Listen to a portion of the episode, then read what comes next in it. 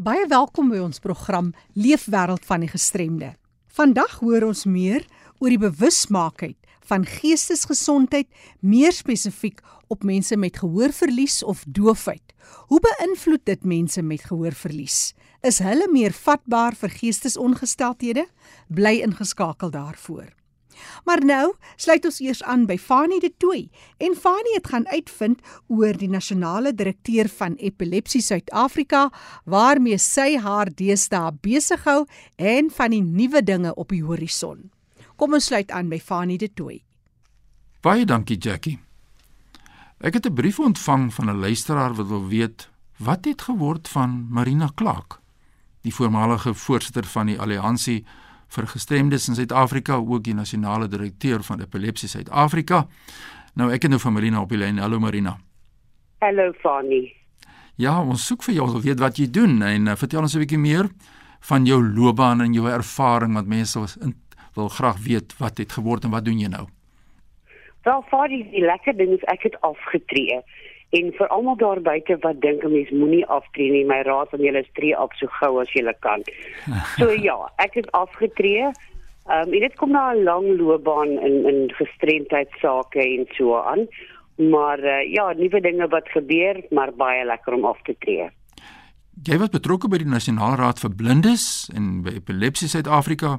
Vertel ons net vinnig daaroor. Ja, ek het so 15 jaar vir die Nasionale Raad vir Blindes gewerk hoofsaaklik in die beskutte werkswinkels en entrepreneurskapsontwikkeling. En toe ek na Epilepsie Suid-Afrika toe was daar vir 16 jaar, aanvanklik in 'n baie soortgelyke pos en uiteindelik nasionale direkteur. En tussendeur het ek ook opgetree as die voorsitter van die Alliansie vir Mense met Gestremdhede. En dit was so 5 jaar gewees. Ja, nou nuwe voorsitter van die Alliansie na jou aftrede, wie is dit? Die nuwe voorsitter is Joveni Netchutuni. Hy is die president van Blinde SA, maar hy word ook bygestaan deur Bronwyn Ward van Cheshire Homes SA. Sy is die visievoorsitter en dan Raven Benny van Kwasa is die tesourier en dan staan twee addisionele lede, Charlene Castle, wat ook die nuwe nasionale direkteur van Epilepsie Suid-Afrika is en dan Loos Ndemandi van die Nasionale Raad vir Blindes. En ek weet jy het onlangs ook gesels met Melanie Libbe by die sekretariaat van die alliansie is. Ja, dit was 'n lekker gesprek geweest met Melanie. Maar nou wil ons terugkom by jou en die luisteraars vraag. Wat doen jy nou nadat jy afgetree het? Wel, behalwe dat ek tyd het om nou te lees en fliek te kyk en met my familie te spandeer, bly ek maar betrokke by sake rondom gestremdheid. Jy weet, dit is 'n passie van my en entrepreneurskap is ook 'n ander passie. So ek doen nog steeds hier en daar kontrakwerk en so aan. Een van die projekte wat ek onlangs aan gewerk het is 'n uh, entrepreneurskapsopleidingsprojek vir die NYDA, National Youth Development Agency. En ek is ook 'n nie-uitvoerende direkteur by die uh, MDDA, dis die Media Development and Diversity Agency. En dan is ook 'n trustee van die opvoedkundige trust van Epilepsie Suid-Afrika en dan doen ek hier en daar 'n bietjie werk vir SADA. Ehm um, ons is nou besig om te beplan om 'n uh, opleidingsprojek te loods saam met die Verenigde Nasies om mense in Suid-Afrika op te lei sodat ons beter kan kyk na die monitering van die konvensie oor die regte van mense met gestremthede.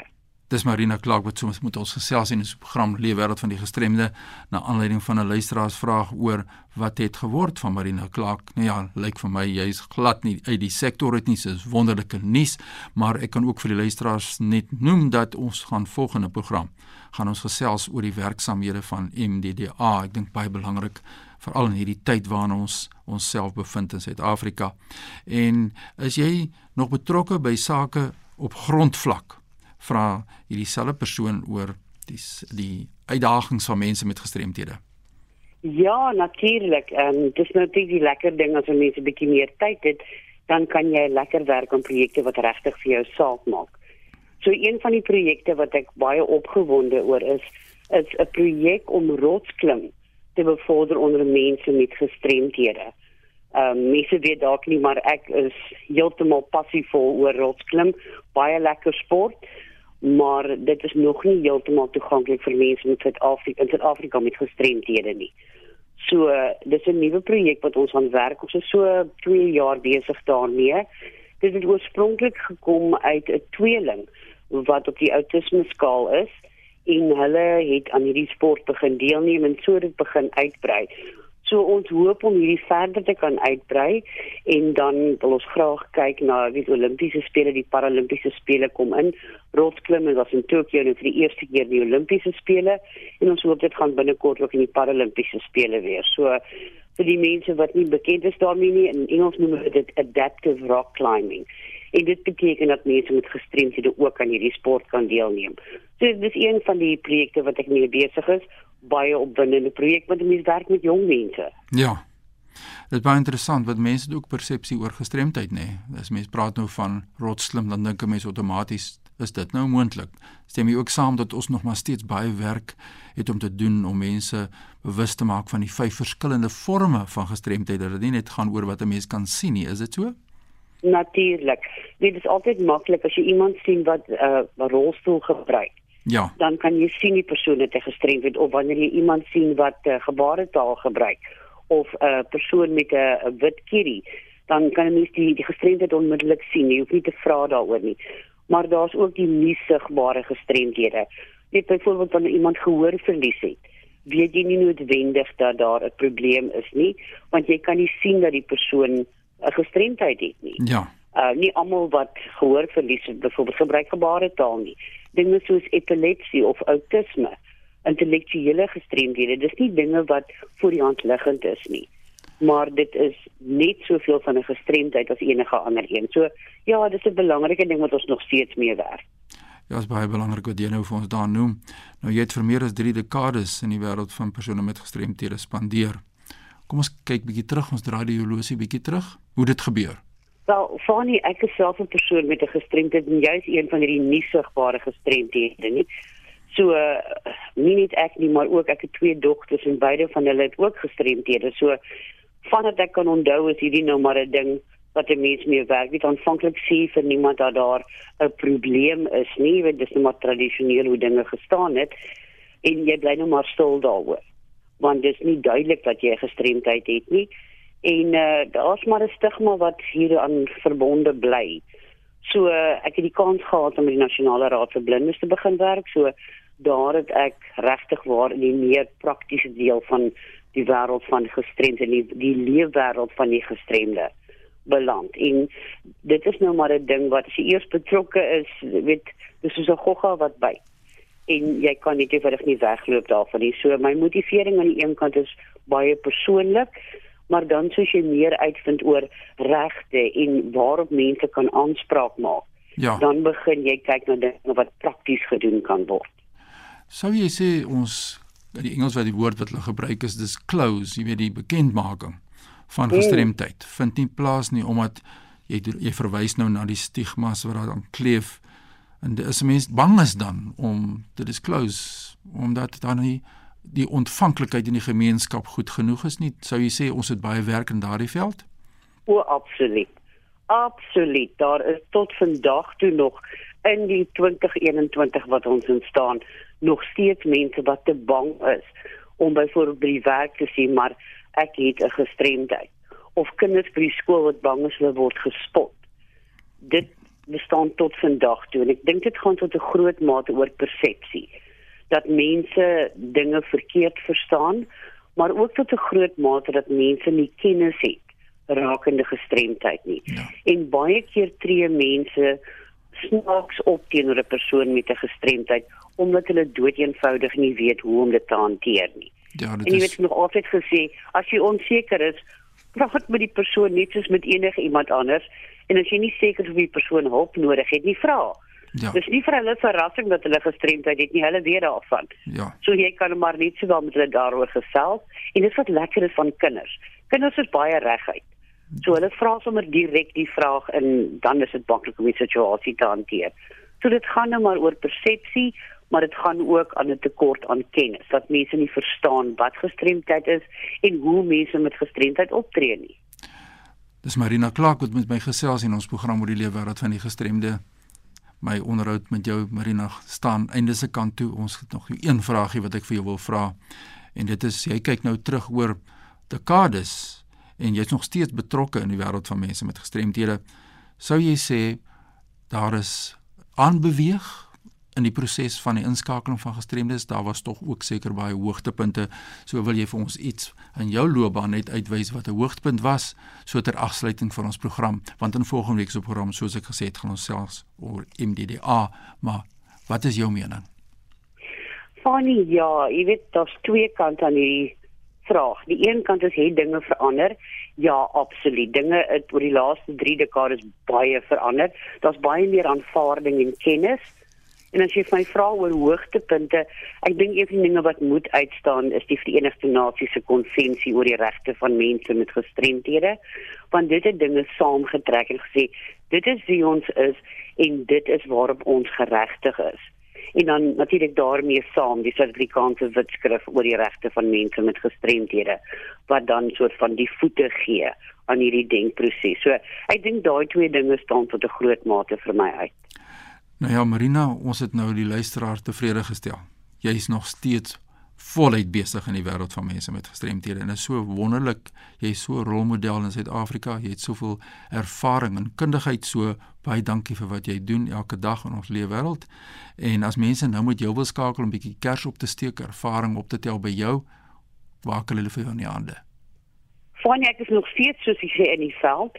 Mense kan my kontak uh, via my posadres en my e-posadres alles klein letters marina.clark en dit is klaar met die e aan die einde 61@gmail.com en dis 'n telefoonnommer wat hulle kan skakel of met hulle net deur daardie besonderhede werk?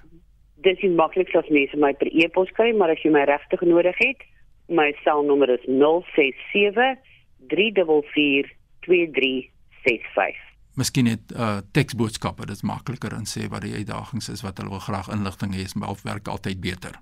Volgende week gesels ek met jou oor MDDA. Dit is 'n Media Development Diversity Agency. En waarom is dit belangrik vir ons mense met gestremthede in die jare wat kom? Baie groetens eers van ons kant, ons gesels weer. Baie dankie Fani.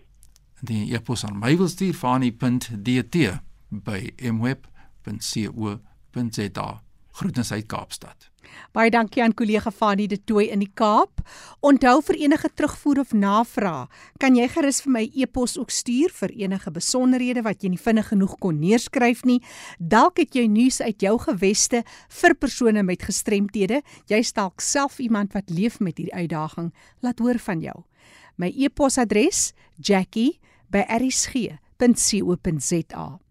Jy kan ook 'n vinnige SMS stuur na 45889. 'n SMS kos jou R1.50. Vandag, die 31ste Oktober, is ook dan nou die laaste dag vir geestesgesondheid bewusmaking. En vandag fokus ons vir die oomblik op die geestesgesondheid of die geesteswelstand en die invloed wat dit het op mense met gehoorverlies of doofheid. Ek gesels met Lenet Victor. Lenet is die steundienskoördineerder is by die NID, die Nasionale Instituut vir Dowes.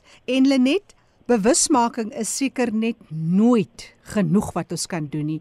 Ek meen doofheid is een van die bekendste gestremdheid of 'n uitdaging en tog is daar nog soveel stigmas wat gebreek moet word. Bewusmaking is regtig nodig.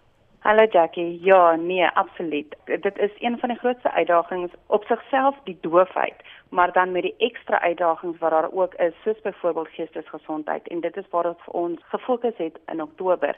Dit is moeilik om 'n impak te maak met net woorde. So ons probeer 'n uh, impak maak deur die video's en so wat ons op sosiale media platforms ook deurgee. Om te sê oor die geestesgesondheid, daar is soveel uitdagings wat gepaard gaan met geestesgesondheid en as jy nie kyk na jouself nie, dan kan jy in die moeilikheid raak. Hoe maklik is dit vir iemand wat met daai uitdaging lewe, doofheid, om ja. byvoorbeeld 'n geestesongesteldheid dat dit verder ontwikkel? Die kommunikasiemiddel vir doofheid is meestal gebaretaal, Suid-Afrikaanse gebaretaal. En as 'n doofe persoon sit met hierdie geestesgesondheid of dit nou depressie is en of dit nou stres um, kwessies is, persone wil nie sommer oor die algemeen of jy nou doof of hoorend is gaan praat nie.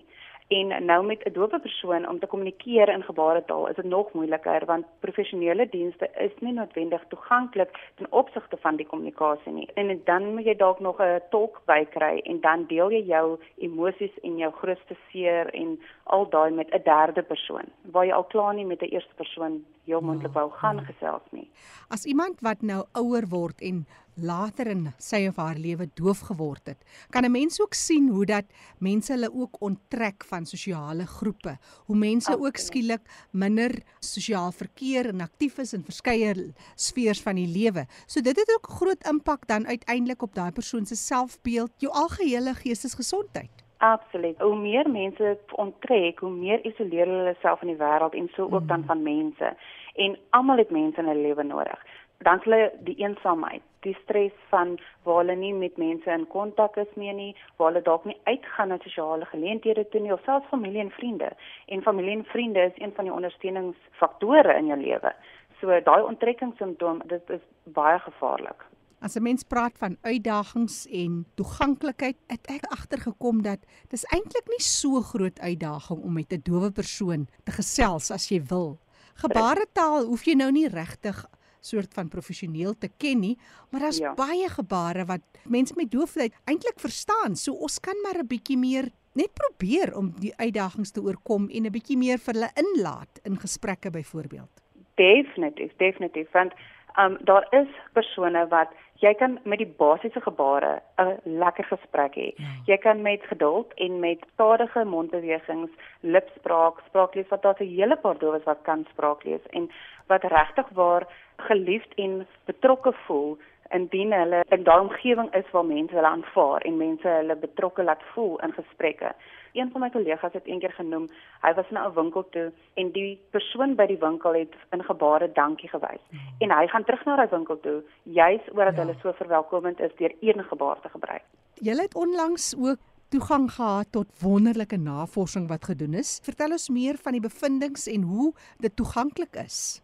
Ja, dit is Dr. Johannes Vellinger. Hy is in Oostenryk en hy is al oor die 30 jaar betrokke. Die video is ook beskikbaar op ons Facebook bladsy en dit is waar hulle die impak van um, geestesgesondheid onder dowes, wat is die impak daarvan? Um hoe word toeganklikheid gehanteer en wat is nodig om daai um ontoeganklikheid eintlik maar te bevorder dat dit toeganklik raak vir dowes. En ons Facebook bladsy is National Institute for the Deaf National Institute for the Deaf. Nou van sy vrae wat hy wil beantwoord is of die probleme en die siektes wat met geestesgesondheid gepaard gaan, of dit enigstens anders in persone met doofheid voorkom. So by dowes is kan dit twee keer meer voorkom as wat dit by horendes voorkom. Die groep is baie baie groter. Die feit dat hulle die geestesgesondheid het, het hulle nie al daai inligting wat so toeganklik is soos verhorendes nie. Hmm. Hulle weet byvoorbeeld dalk nie as hulle gaan en hulle kry medikasie, hoe moet die medikasie gebruik word? Um hulle moet die regte voorskrif volg om beter te kan raak of om gesond te kan raak. Dit kan vererger in die sin van omdat daar nie toeganklikheid is vir dowes nie. Lenet Victor is die steundienskoördineerder by die Nasionale Instituut vir Dowes. Lenet, en ons praat nou van geestesgesondheid en hoe dit mense met doofheid beïnvloed.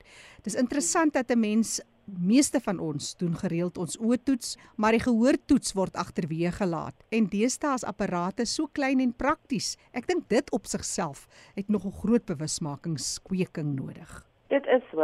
Um alhoewel bygesê gehoorapparate ook nie vir al die dowes um, van hulp is nie. Die wat wel van gebruik kan maak van die hulpmiddel, is dit wonderlik want dan kan hulle 'n bietjie meer in die samelewing uh, oor die weg kom. Dit is belangrik om persone met gehoorverlies of hulle nou gehoorapparate gebruik of nie, nie weg te stoot nie en nog steeds deel te maak en betrokke te laat voel. Ek kry partykeer die indruk sodra iemand 'n persoon sien met 'n gehoorapparaat dan hardloop hulle eerder weg as om nader te gaan. So uh, dit moenie afskrikmiddel wees nie, want dit is vir daai persoon 'n hulpmiddel. Ja. Lenet, jy het 'n paar praktiese idees vir mense wat leef met doofheid en gehoorverlies en ook wat versorgers kan toepas op persone wat hulle na kyk wat dalk met hierdie uitdagings leef. Ja, daar um, is ek dink oor die algemeen is dit ek wil amper sê logiese um, maniere, maar mense vergeet soms so vinnig daarvan.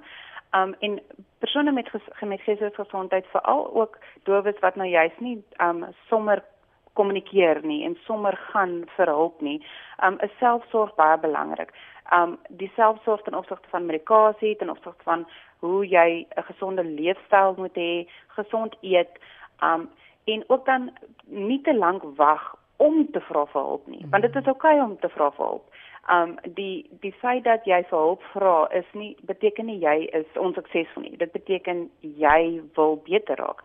Byvoorbeeld die medikasie persone wat byvoorbeeld kyk na persone met gehoorverlies wat ook dan nog geestelike gesondheid het om die regte medikasie te gee maar ook vir hulle vir te verduidelik ja. en seker te maak hulle verstaan wat hulle moet drink, wanneer en hoeveel en so en ook professionele persone moet duidelikheid kan gee rondom wat moet die persoon dowe persoon doen en wat is belangrik dat hulle die regte inligting kan deurgee en nie net as die persoon sê ja, ek verstaan, maak seker die persoon verstaan, ja. want dit is dit is nie net 'n pleister wat jy plak op 'n wond nie. Dit is geestesgesondheid is baie meer dieper. Mense is maar kwesbaar en dit is maar 'n geduld wat jy moet hê. Partykeer kan ons iets verduidelik en sommer net aanvaar iemand weet waarvan jy praat. Ja.